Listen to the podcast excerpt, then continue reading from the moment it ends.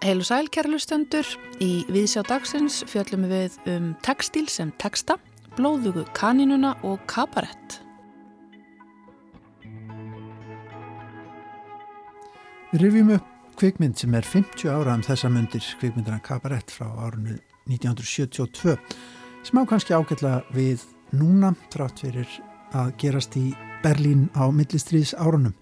Myndin hlaut á sínum tíma átta Óskarsfælun en var samt ekki valin besta myndin það ár meira hér eftir stuttastund. Við lítum inn á þjóðminnarsafnið og hittum þar fyrir steinunni Kristjánsdóttur, forlegafræðing. Steinin hefur lengi verið okkar helsti sérfræðingur í íslensku miðaldaklausturunum en það var ekki fyrir nýverið sem hún fór að velta fyrir sér textil. Steinin flytur fyrirlestur í sapnun á morgun þar sem hún segir frá vangaveltum sínum, varðandi textilgerð á miðaldum og rannsóknum á þeim klæðum sem enn eru varðveitt. Mart hefur komið Steinin og óvart í þessu grúski, meðal annars það að svo virðist sem heilmikil framleysla á textil hafi farið fram hér á landi en að áhugi og rannsóknir á efninu hafi alltaf lotið í lagrahaldi fyrir handritunum. Heyrum betur á þessum pælingum Steinunar hér undir lok þáttar. Leikúsin eru alltaf fyllast af lífi og leikleði um þessa myndir um liðna helgi var blóðu að kanínan frumsýnd í Tjarnabíói. Um er að ræða verk eftir Elisabethu Jökulsdóttur sem er nú á fjölunum í fyrsta sinn.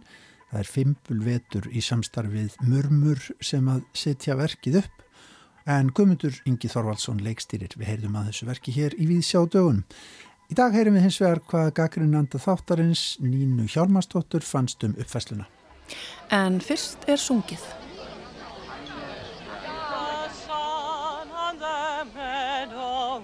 summery one. The stag in the forest but gather together to greet the storm. Tomorrow belongs to me.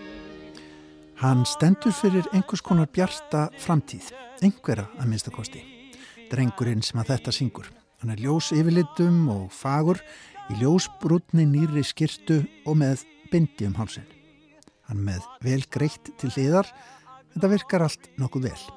Pilturinn ungi er utandýra, á bakviðan eru græn tré, síðan færir myndatökuvélinn sig fjæronum og við sjáum að um upphandleikin ber hann Hagakross, merki nazismans og undir hinum handlegnum heldur hann á húfu kaskeiti því að drengurinn er nefnilega í enginnisbúningi, enginnisbúningi Hitlers æskunar.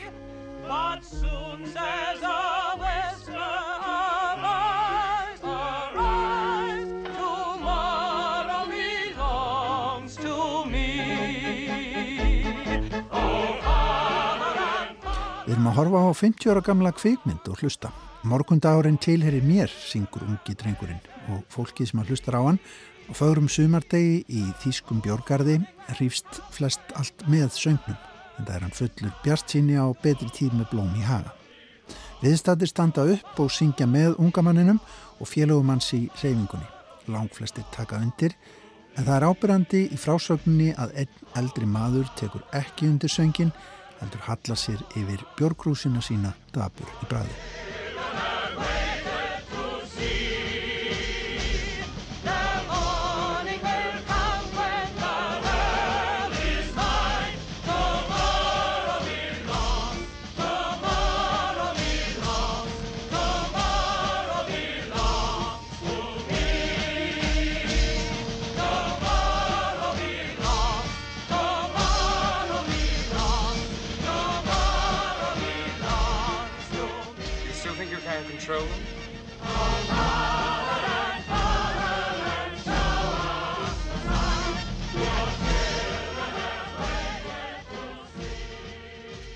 Við erum að horfa á kveikmyndina Kabarett sem að gerist á millistrís árunum í Þýskalandi rétt fyrir valdatöku Hitlers og nazista.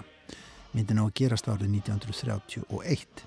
Henn er leikstýrt af Bob Fosse og kom út 13. februar árið 1972.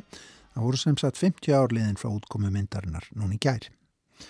Myndin var samin eftir samnefndum Broadway söngleik eftir þá Kanter og Epp sem aftur var samin upp úr sögum Kristófers Íservút sem byggði skrif sín á eigin reynslu í Berlín millistriðsárana og kallaði Berlínar sögurnar þegar þær kom út árið 1945. Annar leikrit byggt á skrifum Isherwoods sem hétt I am a camera var einnig innblástur fyrir gerð myndarinnar.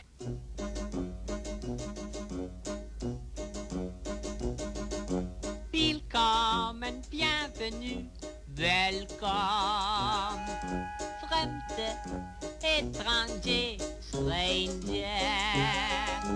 Glücklich zu sehen, just les enchanté Happy to see you, bleibe reste stehen Willkommen, bienvenue, welcome im Cabaret, au Cabaret,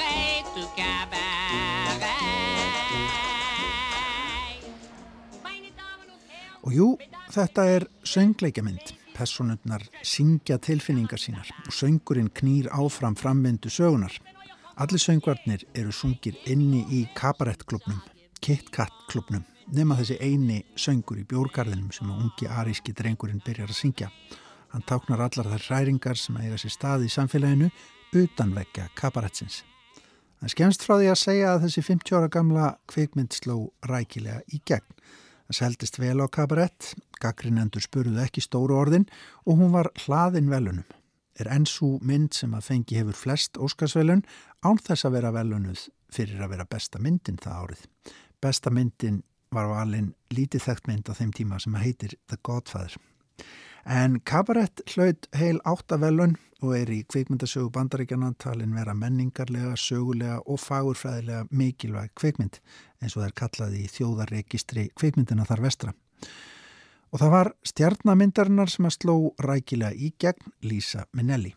Við skulum grípa niður í greinina Lísa Minnelli ný stjarnafætt sem að byrtist í Vísi mánuði eftir að myndin var fremsýnd í bandaríkjanum. Who's this little guest of ours right here? Eliza Millie. Hello, Liza. Þá hefur Lísa Minnelli skotist upp á stjörnuheiminin og jafnvel hér norður við Istahaf vitum við hver Minnelli er. Hún er dóttir Judy Sáluðu Garland sem fyrir fáum árum tókin of margar sveptöflur og battar með enda á lífsitt.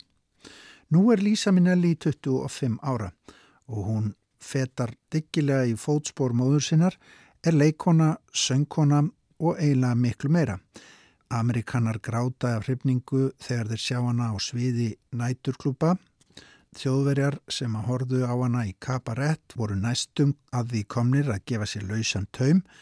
Á ennsku æpa menn terrific þegar þeir sjá hana syngja eða leika aðalhuturki í kabarett. Frakkar eru orlausir. Lísa er barn sem heimspressan hefur fylst með allt frá því hún fyrst fór að sparka í móðurkveði og allt uppeldi hennar ef uppeldi skildi kalla miðast við að gera hana að stjörnu. Stjörnu eins og mömmu. You're.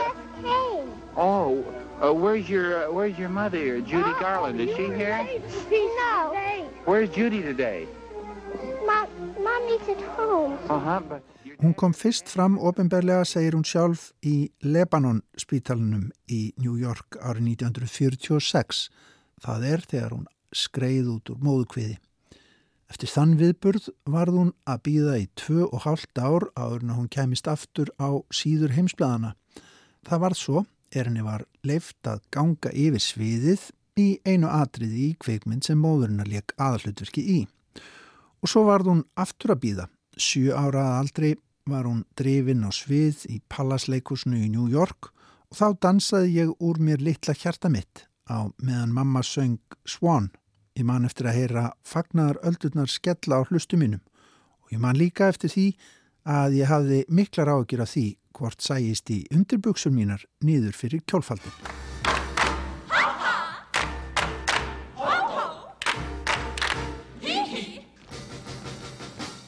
Og svo eru sigrar Lísum Nelli á unglingsárunum raktir áfram þarna í greinin í vísi og síðan segir þar áfram.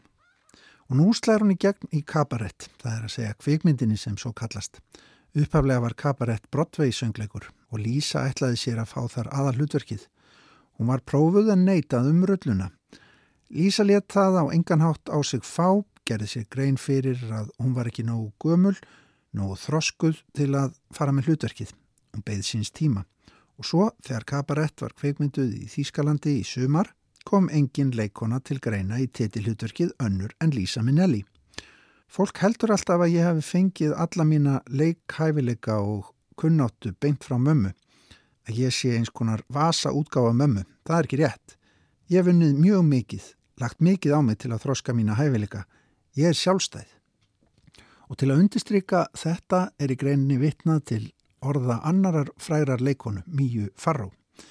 Leikonan Mía Farró er hennar besta vinkona og raunar einnig eigin maður hennar, hljómsutastjórin Andri Prevan. Mía segir Minnelli, hún hefur unnið mikið alla æfi og það er sorglegt að heyra hvernig allir vilja útskýra Lísu með því að draga hana úr örmum hinnar dánu móður. Hún er ekkert lík Judy, hún er Lísa, öguð, vel þjálfuð og gáfuð leikona. Hún er afskaplega viðkvæm en samt er hún sterk. Hún dáir og blessar móðu sína og föður en hún er sjálf sérstök persona, sjálfstæð, skapandi. Segir í Vísi 13. mars 1972 í greinum Lísu Minnelli ný stjarnafætt þar. Fun?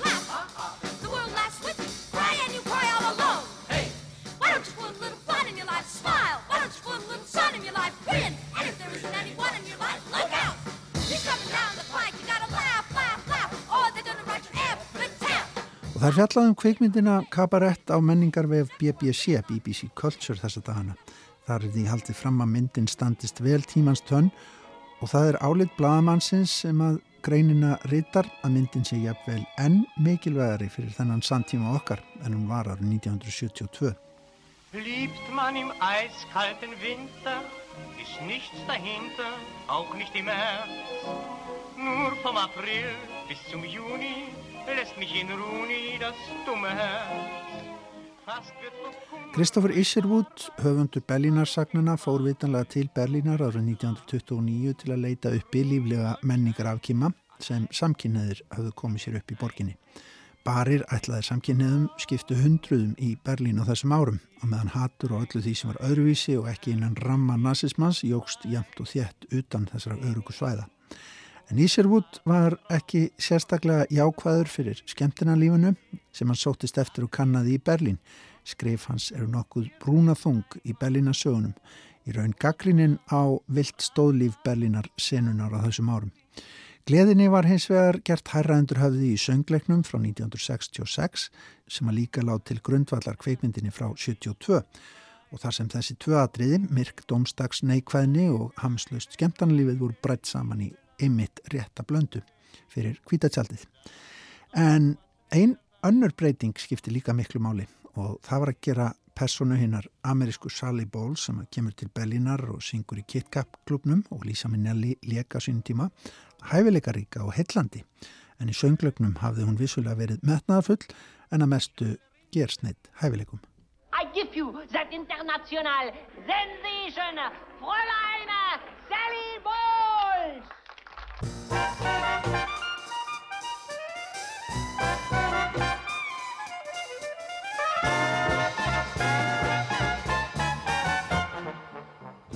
good is sitting alone in your room?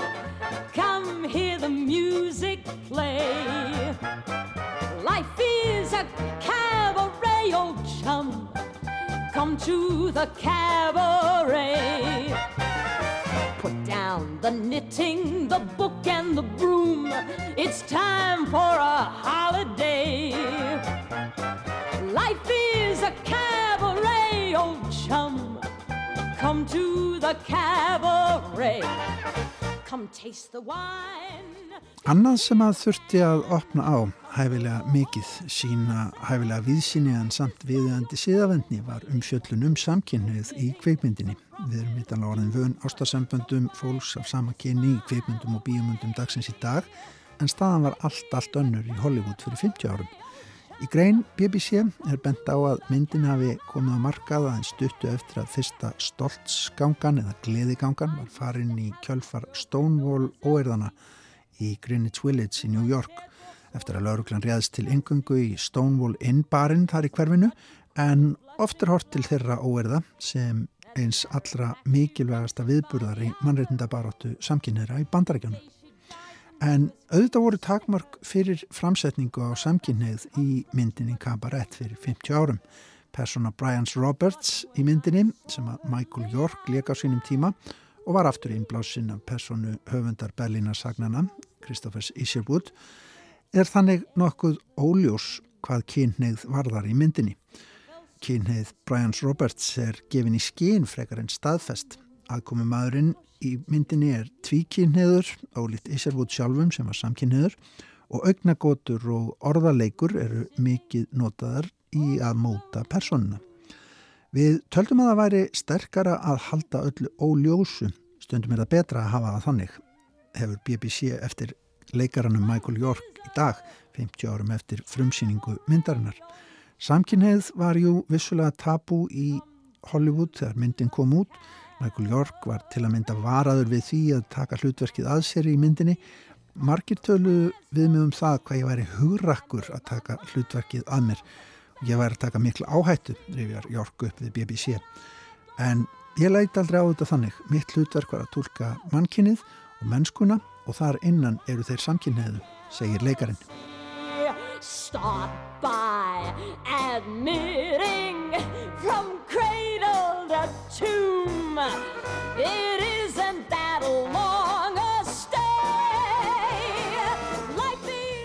En í kabarett kvikmyndinni er nazisminn skeppna sem að læðist sakleisisleg og kannski pínlíti kjánaleg hugmyndafræði í byrjunmyndarinnar byrjar eins og lítil mús en er allt í einu orðin að voldu og villidýri í pínu heitlandi enkennisbúningi og onlag og einn á KitKat klubnum halda partiljónin að þau séu óhullt einhvern veginn fyrir þessu bólusett fyrir bröltinu á stöðnismunum nazismans fyrir utan vekkina. Þeirra er nóttin og gleðin en á daginn eru tökin hert, hægt og rólega á ýmsum stöðum í stjórnkerfinu. Söngur ungadrengsins í bjórgarðinum sem við herðum hér í upphafi einslagsins er þannig ták fyrir endalokk sakleisisins. Jafnvel börnin hafa verið leitin í hugmyndafræðina þar sem stanslöstu verið að búa til óvinni úr öllum gýðingum, framsagnum listamönnum, samkynneðum og jú öllum þeim sem að standa einhvern veginn út úr og vil ekki taka þátt í hugmyndafræðinni. Söngvamyndin Kabarett frá 1972 því langt í frá sakleisislega söngvamynd eins og flesta slíkar. Myndin breytti hugmyndum fólks um það hvað söngleikir og söngvamyndir gáttu gert. Þetta gæti verið fullorðins líka er haft eftir viðmælandum BBC Culture í umfjöllunum þessa 50 ára gamlu mynd.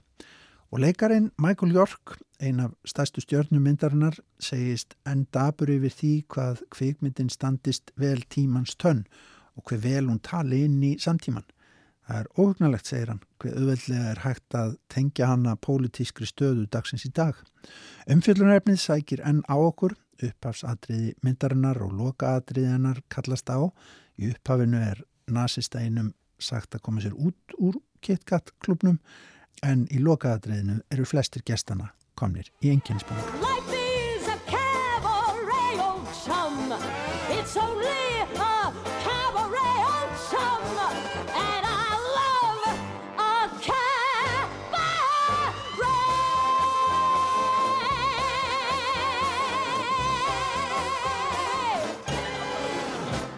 Löflétt kabarett stemning hér í Vísjá á mánudegi. Þá förum við yfir í leikúsin Blóðuga kanínan var frumsýnd í Tjarnabíói um helgina. Það verk eftir Elisabetu Jökulsdóttur. Nína Hjálmarsdóttir, hún fór í leikús um helgina. Það var hátíðar stemming í Tjarnarbíó síðastliði föstudagskvöld á frumsýningu leikópsins Fimbulvetur á verki Elisabetar Jökulsdóttur Blóðuga kanínan. Á sviðinu er ung kona, hún Dísa, leikin af Þóru Karitas Árnadóttur, að gera veitingastæðin sinn tilbúin fyrir gesti, á meðan fimm fígurur standa aftast og horfa á hana og maður leikur á píano og vinstramegin. Það tekur ekki langan tíma að átta sig á því að hér er ekki allt með feldu, að það er eitthvað óþægilegt við að leifa sér að hlæja að því hvernig Dísa þrýfur borðin aftur og aftur. Taktmælirinn slær sífelt hærra og hraðar, virkar eins og upplifun af hljóðum í miðju kvíðakasti og minnir okkur á dauðan. Við erum stött í leikúsi surrealismans, í ógnveikjandi sirkus en hér eru samt mörg lög sem hægt er að fletta ofanaf eða frekar finna fyrir. Hér er þykkur og safaríkur heimur, umvafinn, þungum og marglega teksta. Þetta leikús er ekki að gera þetta auðvelt fyrir okkur. Það er ekki að sigur húða neitt eða tala í kringum hlutina. Þetta leikús, þessi teksti, þetta leikús fer með okkur beint í maga kvalsins, í rót okkar innsta óta, í ljótustu verk manneskunar. Teksti Elisabetar er svo krefjandi að maður þarf að hafa sig allan við að meðtaka hann. Hér er ekki hægt að vera passífur áhorandi og slaka á í sætinu. Sagan hefst í stríði og við sjáum söguhetjun okkar dísu þeitast um að leggja á borðin og gera fínt á meðan sprengjurnar dinja á hana. Fókusin þrengi síðan inn á við, við þurfum ekki að heyra sprengjurnar lengur því við vitum af þeim, við vitum að þær eru alltaf þarna. Hann er þarna líka. Við sjáum hann samt ekki en hann situr við öll borðin á öllum stólunum, segir dísa við trúðin og barnið. Það kemur í ljós að þau á samt hetjunni, fáraðlingnum, skrimslinu, píslarvottunum og tárinu eru líka dísa. Tekstinn er svo fagur og vondur og hyspurslaus að hann deinur á okkur áhörendunum eins og sprengjur. Tilfinningarnar eru í reypitógi, þær hrífast með og fjarlægast til skiptis. Hér er dansað á línu hláturs og gráturs því personur eins og fáralingurinn í tólkun aðalbergar Árnadóttur og hetjan sem leikin er af Ólafíur Hrann Jónsdóttur eru svo brilljant, svo óhugnanlega fyndnar um leið og þær eru svo harmþrungnar að maður fær illt í hjartað. Undir öllu þessu spilar borgar á Sirkustjórin og maðurinn sem áharpar áhörendur, lifandi tónlist sem er írónísk og þykir stemminguna hverju sinni, hvort sem hann spilar drungalega hryllingsmyndatóna, sexy jazz eða plokkar innibli píanósins eins og tekstinn plokkar hjartastrengi okkar. Nei, þetta er ekki auðvelt, þetta er augrandi og rugglingslegt og spennandi og erfitt. Það er engin línuleg narratífa, rétt eins og sálar sár gróa ekki í þægilegri tímalínu. Við erum í trámanu, við erum að upplifa trámað aftur með dísu því það fer aldrei. Hún er enþá sama barnið og hún var þegar það gerðist. Barn sem datt ofan í hólu og kemst ekki upp, sem er löngu orðið þreytt og gamalt og ætti heima á elli barnaheimili. Sprengjurnar þeia aldrei. Verkið er mjög personulegt og skapað í kringum marklofin sár innra með höfundinum. Heimurinn er kátískur og sviðsmyndin er ætlað að endurspegla það og gerir það ágætlega. Hins vegar var augljóst að svissetningi myndi njóta sín betur á starra sviði og hefði mátt reyna að miða betur við rýmið. Hljóðfæraleikurinn hefði þannig líka fengið vega meiri sess. Sýningin er aðeins of laung og hefði verið ráð að hnitmiða og stitta. Búningarnir eru spennandi og skerpa erketýpunar í anda komidia del arte. Þeir eru enginandi fyrir hverja personu en um leið frumlegir og alltaf pínu óþægilegir. Það er eitthvað off hérna, eitthvað á ská eins og í heiminum sjálfum. Það er mjög fallegt hvernig flíkurnar tegðu sig inn í sviðsetninguna í samhljóm við sviðshreyfingarnar sem sköpuðu lifandi myndlíkingar eins og þegar dísa var að draga allar personurnar á bak sér. Lýsingin er líka príðileg og ítir vel undir myrka sirkus kabarett stemminguna. Leikurinn er misgóður en Ólafíja Hrönn ber af. Þegar hún gengur fremst á sviðið, frá fyrsta augnabliki, þá föllum við að fótum hennar og erum gjörsamlega háð. Leikhæfileikar hennar njóta sín í surrealismanum þar sem aldrei hrægt að vita hvað gerist næst. Í senunum þar sem hún er í hlutverki társins, eins konar amatör völva sem huggar og seðjar um stund, nær hún magnar í tengingu við salin með því að vera fullkomlega einlæg í svo kátlegu atriði. Aðalbjörg Árnadóttir er líka mjög eftirminnileg í hlutverki freka fáraðlingsins og Ævar Þór Benediktsson sínir núanseraða tólkun á hlutverki trúðsins sem reynir að vera fyndin en er að missa tökin.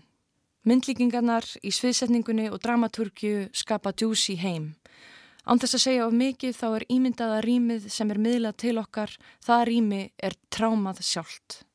Hér er ekki hægt að loka og fara, líkillin er týndur. Hér er hægt að vera og spóla í sama farinu aftur og aftur því við erum föst og komumst ekkert. Verkið er stútfyllt af táknum, það er hlaðborð af merkingum fyrir áhörundur að tólka og má þar nefna eftirminnilegt atriði um kvítan dúk með dúfum. Einni verður að nefna spreng, hlægilega, blóma og fyririldasenu en þeir karakterar eiga skilið sitt eigðileikrit.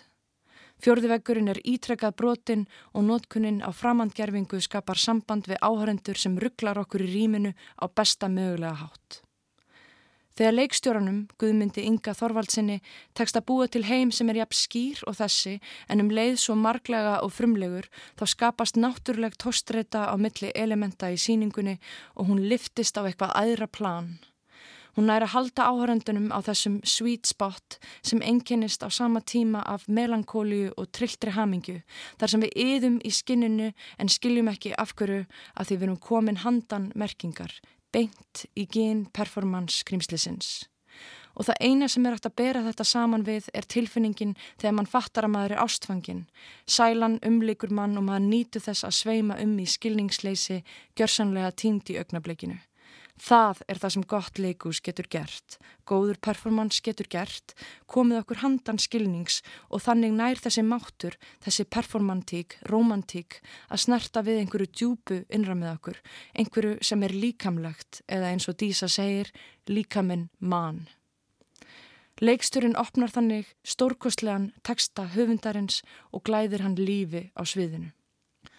Áhrendur finna fyrir nýstandi sorginni, finna fyrir áfallinu sem fætti tekstan og húmornum sem viðbræði, finna fyrir öllu þessu hildipi með öllum skinnfæranum. Það er ekki oft sem mann veltist um af hlátri en þarf að halda inni táranum á sama tíma. Verkið er því tragikomedía í orðsins fylstu merkingu. Saði Nína Hjálmarsdóttir um síninguna Blóðu kaninuna í Tjarnabíu, en þá yfir í allt annað. Í hádegin á morgun fer fram virkilega spennandi fyrirlestur hér í þjóðminnisafninu. Steinun Kristjánsdóttir, forlega fræðingur, hún ætlar að fjalla um textilgerð og klæðaegn íslensku miðaldaklaustrana og líka þær rannsóknir á miðaldaklæðum sem eru varveitt hér á landi og reyndar annar staða líka. Við Steinun erum stattar hér í þjóðminnisafninu á síningu sem byggir á hennarannsóknum síningin Kirkjur Íslands leitin að klaustrinum Sælblessusteinun, takk fyrir að hitta mér hérna. Já, mín er ánægjan. Sko, þú ert auðvitað okkar helsti sérfræðingur í miðaldaklaustrunum en ert samt hildulega nýlega farin að hugsa um textil, ekki satt, og kafa ofan í hann. Hvað kemur til? Já, þetta var einmitt þegar ég var að vinna að leitin á klustrónum og svo núna kannski fyrir eh, örfáum árum uh, í fyrra eða hitti fyrra að þá var ég að taka saman hérna uh, já, skeppnu eign á, á, á klustrónum, öllum, munkaklustrónum og nunnuklustrónum, það sem sagt hvað voru mikið á nautgripum og hvað mikið á söðfjö og, og svo voru ég líka að kíkja á hestana og allt þetta. Og ég bjóð til svona stöplarít yfir til þess að skoða þetta nú í samhengi. Og hérna þá bara reykja augun í það að það er rosalegt fjárbú í kirkjubæðaklustri og þetta er bara ávið fjárbú í dag. Og hérna að það hefur verið sem eitt svolítið hort á uh, söðfjöð í sambandi við vaðmálskerð en svo líka aftur ég var líka að hugsa um nöð, nöðgrippi og af því að kálskinn var notað náttúrulega í, í handrit og, uh, og það hefur, verið, hefur mikil áherslu að vera lögð á að skoða handritin sem voru mjög mörg unnin í klusturunum. Það er þingaraklaustur sem er kannski stæðst og eins helgafellsklustur og þar eru mjög margir nautgripir og yfir hundrað og sennilega út af skinninu. En það var náttúrulega líka skrifað á nokkrum höfubólum en, en eins og þegar líður á miðaldýra þá er það klaustrin sem eru svona bókagerðar staðirnir eh, helstu. En svo reik ég bara augun í þetta og ég fór að velta fyrir mig býtu hefur eitthvað tekið eftir þessu? Og svo sé ég líka reynistæðaklaustur líka með töluverðan stóran eh, fjárstopp og eh, og ég sé líka að reynistæðklustur er lamps eldi um allan skagafjörð sem þýðir að þau hefðu aðgang að ull þar. Og þá fór ég að hugsa betur um þessa textilgerð og það hafiði verið, það var náttúrulega grafið í kirkjubæðklustur og þá fannst nú F-staður og það er í heimildum uh, talað um hvað nunnurnar í kirkjubæ hvað þar hafa verið hagar og vilkin biskup uh, vísiterar hjá þeim 1397 og þá þegar hann sér þeirra, þeirra framlöðslu þá, þá sagt uh, kaupir hann klæði fyrir alla domkirkjuna í skálholti sem er rosalega mikið og þessi klæði, þessi kirkjuklæði þetta voru ekki bara eitthvað einfalt vaðmál heldur þetta voru klæði alveg öruglega með helgimyndum af því að kirkjur voru skreita þannig uh -huh. Og, en ég fór að velta fyrir mér sko, mér fannst þessum samt sko þetta er alltaf hérna einhvern veginn að bakvið sko en samt er alltaf verið að handritin og ég fer ekki því mér, þetta er alveg ofbóslega merkileg og ég skil ekki hvernig var hægt að framlega allir þessi handrit uh, verkaskinnin og, og, og þýða sögur semja sögur um, og uh, þetta er svo óbúslega mikið en það er líka í textilnum mm. vegna þess að textil er texti en ég held svo áfram að var að vinna þarna með þessi gögn úr klausturunum og ég byggja þetta nú eiginlega alltaf máldögum. Uh, og það væri eftir að skoða dýrabeinastofna á þessum stöðum ef það er grafi meira. En já, þá fór ég að týna saman hvað um, þessi klusturinn, íslensku, nönnuklusturinn og munkaklusturinn áttu mikið af kirkjuklæðum og þá var ég aðalega, ég var nú reyndar húsum uh, alltarisklæði en líka hökla og kantarakápur og dalmatíkur, þetta eru öll þessi klæði sem að sem að kallmennir í, í klusturunum uh, výgðu, uh, notuðu. Og þá sé ég að í kirkjubæklustri eru já, já 24 höklar og einn er svo merkilegur að hann er talin upp sér í máldáðunum blár, blá, blá silki og, og, hérna, og, og þetta er bara svipu tala og í hinum í munkaklaustrunum fjöldi á höklum.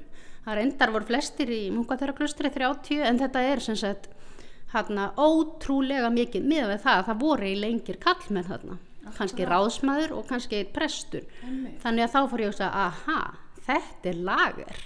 Sennilega er þetta lager og það er svipað á reynistað það er ekki eins margir það er náttúrulega fyrir líka svolítið eftir hvað er varfitt á máldöfum og hana, þannig að uh, já, það er tölvört margir þar en ekki eins margir og í kirkjubæklustri sem er alveg óbúslega mikið og hérna Já, þannig að... Býtu, ef að það var lagur, mm. það þá að það var að vera að flytja út vaðmál og, og klæði og, og kannski tjöld voru ekki kirkjuna líka skreittar með svona vegteppum? Jú, ég hérna, jú, en það er náttúrulega spurning hvort þetta er fluttu mm. út eða hvort þetta var fyrir innanlandsmarkað og fyrir kirkjunar og klust drinn og biskupstólana uh, en það getur verið að eitthvað hafi verið flutt út það var eitthvað flutt inn líka af svona klæðum og það var oft svona gafir af einhverjum tílefni þá gaf einhver högul og, og að því að högul var óbósla vermaður hann var bara eins og meðaljörð virði hans og þannig að þetta er, þetta er náttúrulega óbóðsleg vinna að gera einn högul. Mm -hmm og um, já þannig að það getur vel verið að sé innflutt. En ég fór líka bara taldi saman svona klæðin sem eru síðan til í klustrunum mm. það er mörg herbergi í þeim eru bara klætt hreinlega innan með postulatjöldum og mæntala þá með um, uh, útsaum um, myndum af af, hana, af, af einhverju kristilegu efni og, og það eru einmitt til nokkuð mörg klæði sem að, eh, frá miðöldum uh, og þau eru með, með svona bara sögu, til dæmis sögu ákveðna dýrlinga sem að tengist ákveðna kirkjum mm -hmm. en ég fóð nú, einmitt ég bara ég var gapandi hissa þegar ég sá hvað var mikið til af klæðum hérna á miðöldum í klustrónu bara, þá fyrir ég kíkja aðeins á maldaga frá kirkjónum og ég byrjaði nú bara í bindi eitt í fórbríðarsafnu og hérna var nú fletti nokkra, yfir nokkra máldaga 1100 70, 1180 og eitthvað svona sko og svo flett, afletti áfram í 1200 og þá bara sé ég það eru allar kirkjur klættar innan með tjöldum. Og þetta er vantanlega ekki bara tjöld heldur líka með helgimyndum. Mm -hmm. ég giska á það. Og uh, og já, svo bara held þetta áfram, ég fór einmitt að velta fyrir mig býtu hvað, hva, hefur enginn skoðað þetta?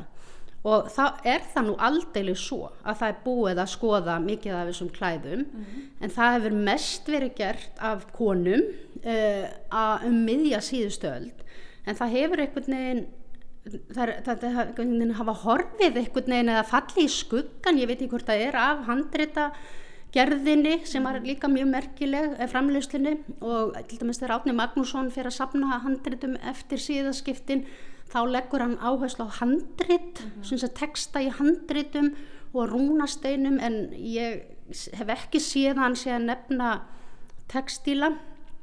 Og ég er með þetta velta fyrir mér hvenar er þetta sem þetta gerist? Að textíl verður svona látt skrifaður. Og ég hefði átt á tilfinningunni að það sé verið að tala um hann sem eitthvað svona hobby, mm. eitthvað bróteri, eh, vernlaust og þess aftar. Það er svona þess að mín tilfinning þó að hann mhm. að og ég hef síðan talað um ákveðna textila sem eru alveg óbúslega vandar og velgerði sem er svona næfa og það þeir penna e eitthvað svona mm -hmm. dundur og hérna, þannig að ég velta fyrir mig hvenar þetta gerist og ég sé það á vaðmálsrannsóknum eða á rannsóknum á uh, já, textilum að mikið af þessum rannsóknum eru beinast bara því að skoða vaðmál sem gjaldmiðil og það var náttúrulega fram, fram á 14. öll, fram yfir 1300 sem að vaðmál er, er helsti gjaldmiðl okkar og síðan tekur skreiðin við, þetta er held ég það sem er svona almennt talin mm -hmm. og mér sé rannsóknir á þeim uh, textilbútum sem eru til hér á þauðmunarsamnu, sem eru tölvöld margir 6.000 eða svo að það er verið að skoða þá sem gjaldmiðil mm -hmm. það er ekki verið að skoða þetta sem eitthvað listverk mm -hmm. og ég saknaði svolítið að sé ekki farið út fyrir þetta það er líka verið að skoða fjóregn og út frá búalögum mm -hmm. uh, stærð álna í vaðmáli og, og þess átt en ekki, ekki textilana sjálfa Þannig að leið og hluturinn svona fellur úr gildi innan hagsögunar þá eitthvað með hverfur bara vergildið. Nákvæmlega, það er eitthvað þannig sem gerist mm. og, og ég, hérna, já, ég saknaði svolítið að þetta sé ekki skoðað með, í, í öðru ljósi en ég er, endar, er vonir til þess að það verði gert að því ég, svo, að ég, fer að kíkja betur á hvað er búið að gera. Mm. Þá finnst mér þetta með þessi svona rannsögnir á textilum, þetta er svolítið svona tengt bara kvennasögunni mm -hmm. að, hana, að það er ekki alveg tekið mark á konunum sem er að gera rannsóknir á textílunum og það er, eru meiri sem held ég oft talaða nýður mm -hmm. og ég hef heyrt það eh, talað hérna, ekkert sérlega vel um, um sumar af þessum konum sem voru að gera mjög merkilegar uppgötanir og þar vil ég nefna til dæmis Selmi Jónsdóttur mm -hmm. sem var með doktorspróf í listfræðu og var nú fórstöðum með listasafns Íslands um, ára bíl og hún, hana, hún finnur, já, hún sagt, skoðar uh, sex af þessum klæðum sem eru til, kirkjuklæðum, sem eru með sögu, mm -hmm. sem, sem að byrta sögu í klæðunum, bara sögu dýlinga hún kemst að því og hún samfæri mig algjörlega með rökum hvernig hún greinir þetta að þessi klæðir öll unnin í reynistæðaklustri og svo uppgötta ég og það var eitthvað búin að bara kollegan mínir voru búin að benda mér á að það væri Íslensk klæði til sínis í Lúfr ekki ómerkilegri stað að, sagt, bara listgripur og það er eitt af þessum klæðum sem að selmer að fjallum en svo uh, fer ég að skoða byrju hvað hva, hva, hvernig bara, bara klæði frá Íslandi í lúfur bara rétt hjá Mónulísu eða það er vist á besta stað oh, er mér sagt, ég hef ekki séð það. Yeah. og þarna, þannig ég fer eitthvað að skoða þetta betur. Jú, það er þýskona sem uppgötar þetta held ég um 1940 Uh, og hún semst uppkvæmtar það er íslensk klæði þannig síðis í Lúfr og það var gefið til Fraklands bara á átjóndöld uh, og uh, og, og, en ég finn síðan að það er sagt frá þessu 1952 í þýttri grein uh, í, í prjónablaðinu Melkorku Kvennablað. Svona hannirðablað. Hannirðablað uh, sem að það er þýtt þessi grein eftir þessa konu það sem er sagt að hún gerir þessa stórmerku uppgötun.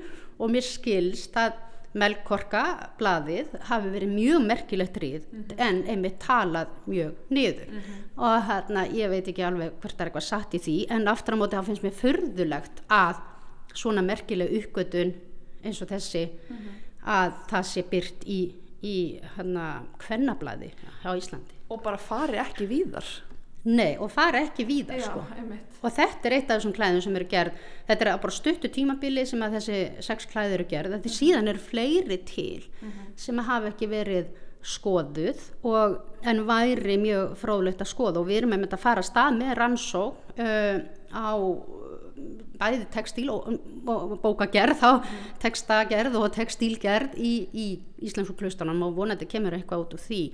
En En þetta er samt sko það sem ég hef verið að hugsa um eftir ég byrja að gera þessar uppgöndanir í sambandi við textílana að það er samt, það þarf að skoða þetta miklu lengra aftur í tíman að það virðist vera textíla hafi verið mjög hátskrifaður og, og ég er að giska á að þetta hafi breyst með yðbildingunni þegar þetta var meira kallaverk að, að, að vefa.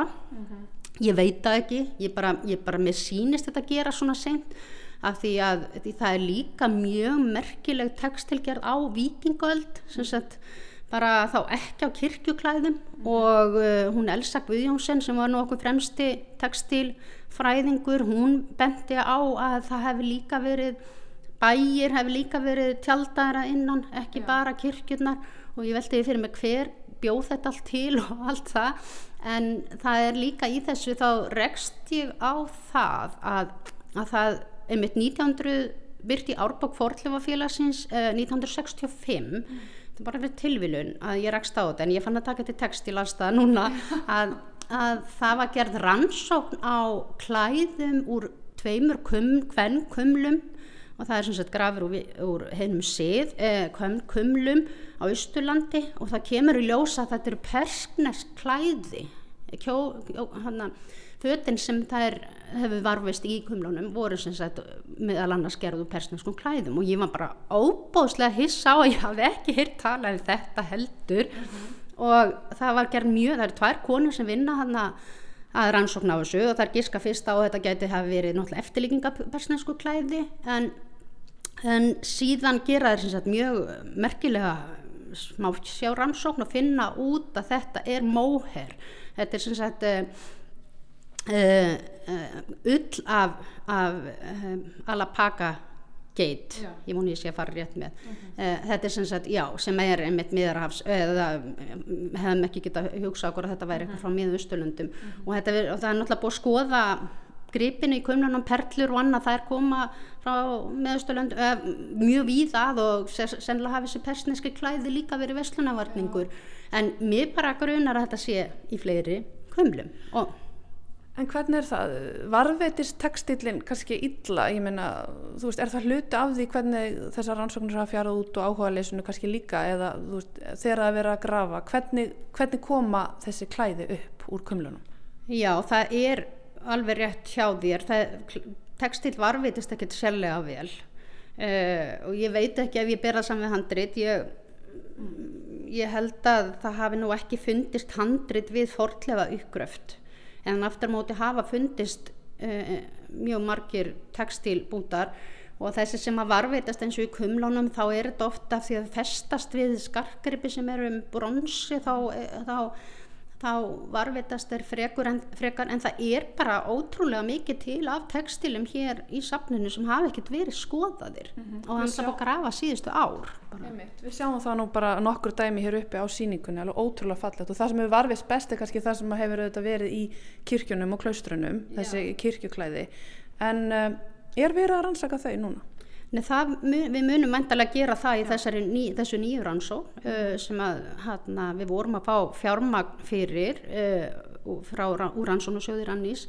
Og uh, þannig að það muni eitt doktorsnemi uh, einbeita sér að þessu að skoða tekstilgerð á, á miðaldum en ég held að sé gríðarlega mikið efni til og, en ég held að þetta gerir svolítið, að að það, það er hafa greinlega varfist þarna mjög merkileg listaverk, tekstil listaverk og hérna frá miðaldum að þau hafi einhvern veginn verið haldið upp á þau af því að þau séu svona merkileg. En mikið af þeim var reynda með svona myndum eða sögum af dýrlingum og kaðalskun sigð og það var svona ekki vinsalt að geima eða það var svona eitthvað slags antikatholismi sem að spratt upp eftir síðaskiptina trúa bönnuð og dýlingatrúin er svo rosalega einkennandi fyrir hann þannig, þannig að það var til dæmis ekki verið að sapna mikið bókum til dæmis á latínu endilega ekki lögum áherslu á það og um þessa dýrlinga og, og það sem var sapna það er ennþá held ég í kaupmannahöfn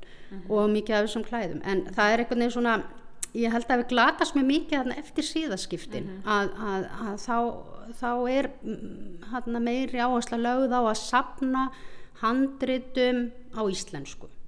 Já á þessa forn íslensku.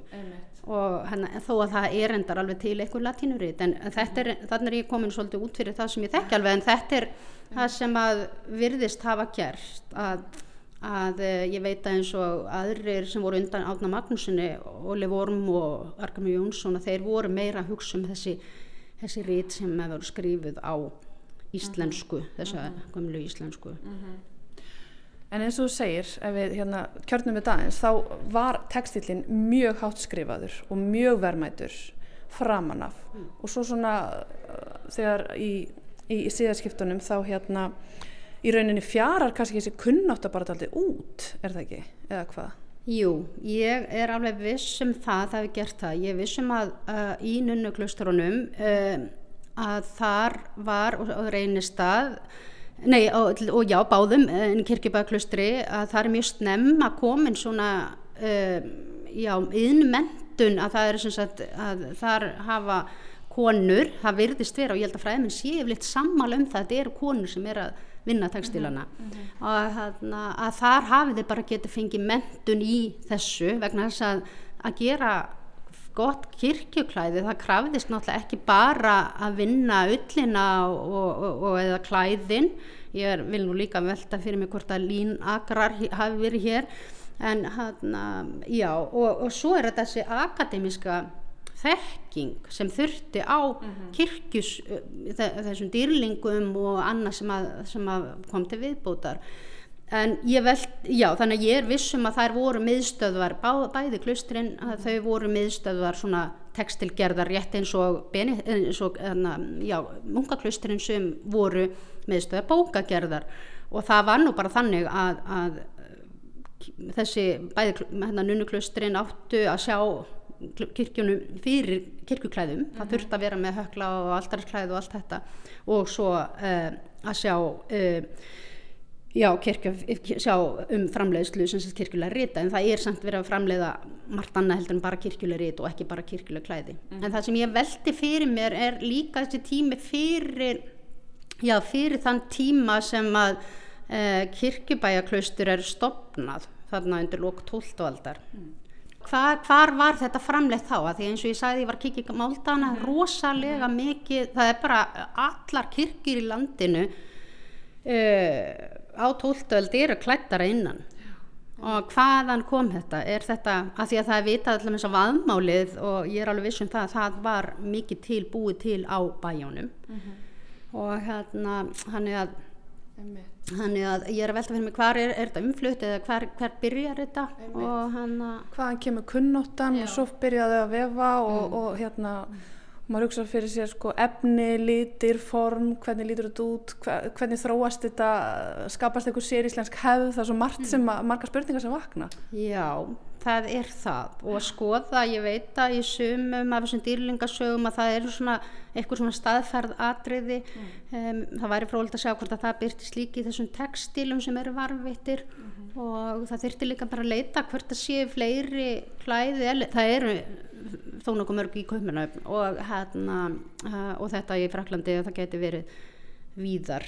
En, en ég veit ekki að hverju er ekki svona mikil áhersla lögð á þetta. En það er nefnilega sko Uh, hefur við svolítið verið um, undanfarið að það hefur verið að leita að eða einhvern veginn að vera eitthvað svona óskekja að konur hafi líka skrifað til dæmis ef mér finnst mér það ábyrrandi og ég verið að velta fyrir mig hvort að það sé til þess að hækka þér einhvern veginn á stalli eins og hérna í klustrónum mm -hmm. alveg bara það var alveg heimsfrétt láið að fannst litunarsteitn í tönn á nunnu hérna beinagrind og ég, ég var einmitt, ég bara mjög að gagna þetta af hverju erum við að ok, getur vel verið að það er að skrifa líka já, já. en af hverju við að leggja áherslu á að, að, að leita því uh, að finna þær hafi verið að gera svona merkilega hluti að þær voru að gera rosalega merkilega hluti í textilgerðinni og voru að semja texta mhm. -huh. og bara uh, leggja hann fram með öðrum hætti og ég held að það hljóta hafi ykkur kallmenn komið að þessu líka en þetta er bara líka, þetta er búið að vera svolítið tinnhengi fræðunum finnst mér alltaf lengi og til dæmis líka þetta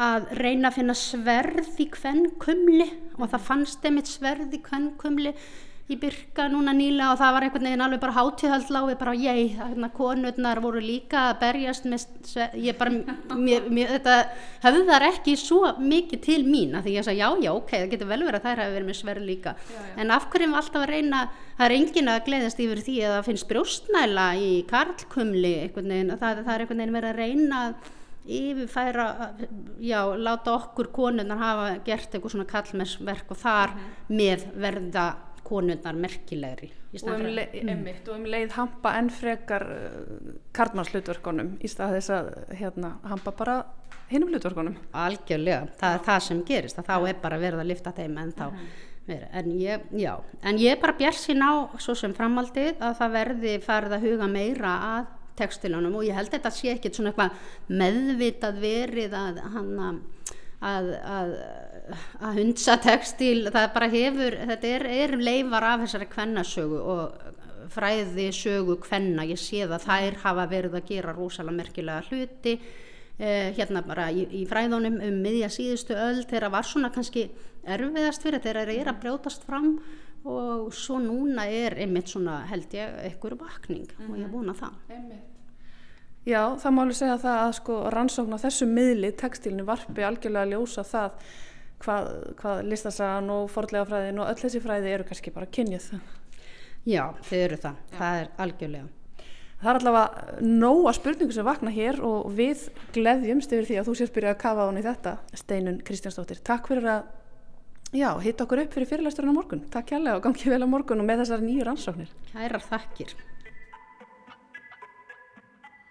Og þessu spjalli um textil fyrri alda ljúkum við við sjá í dag á getur hlustendur. Takk fyrir að hlusta og verið sæl.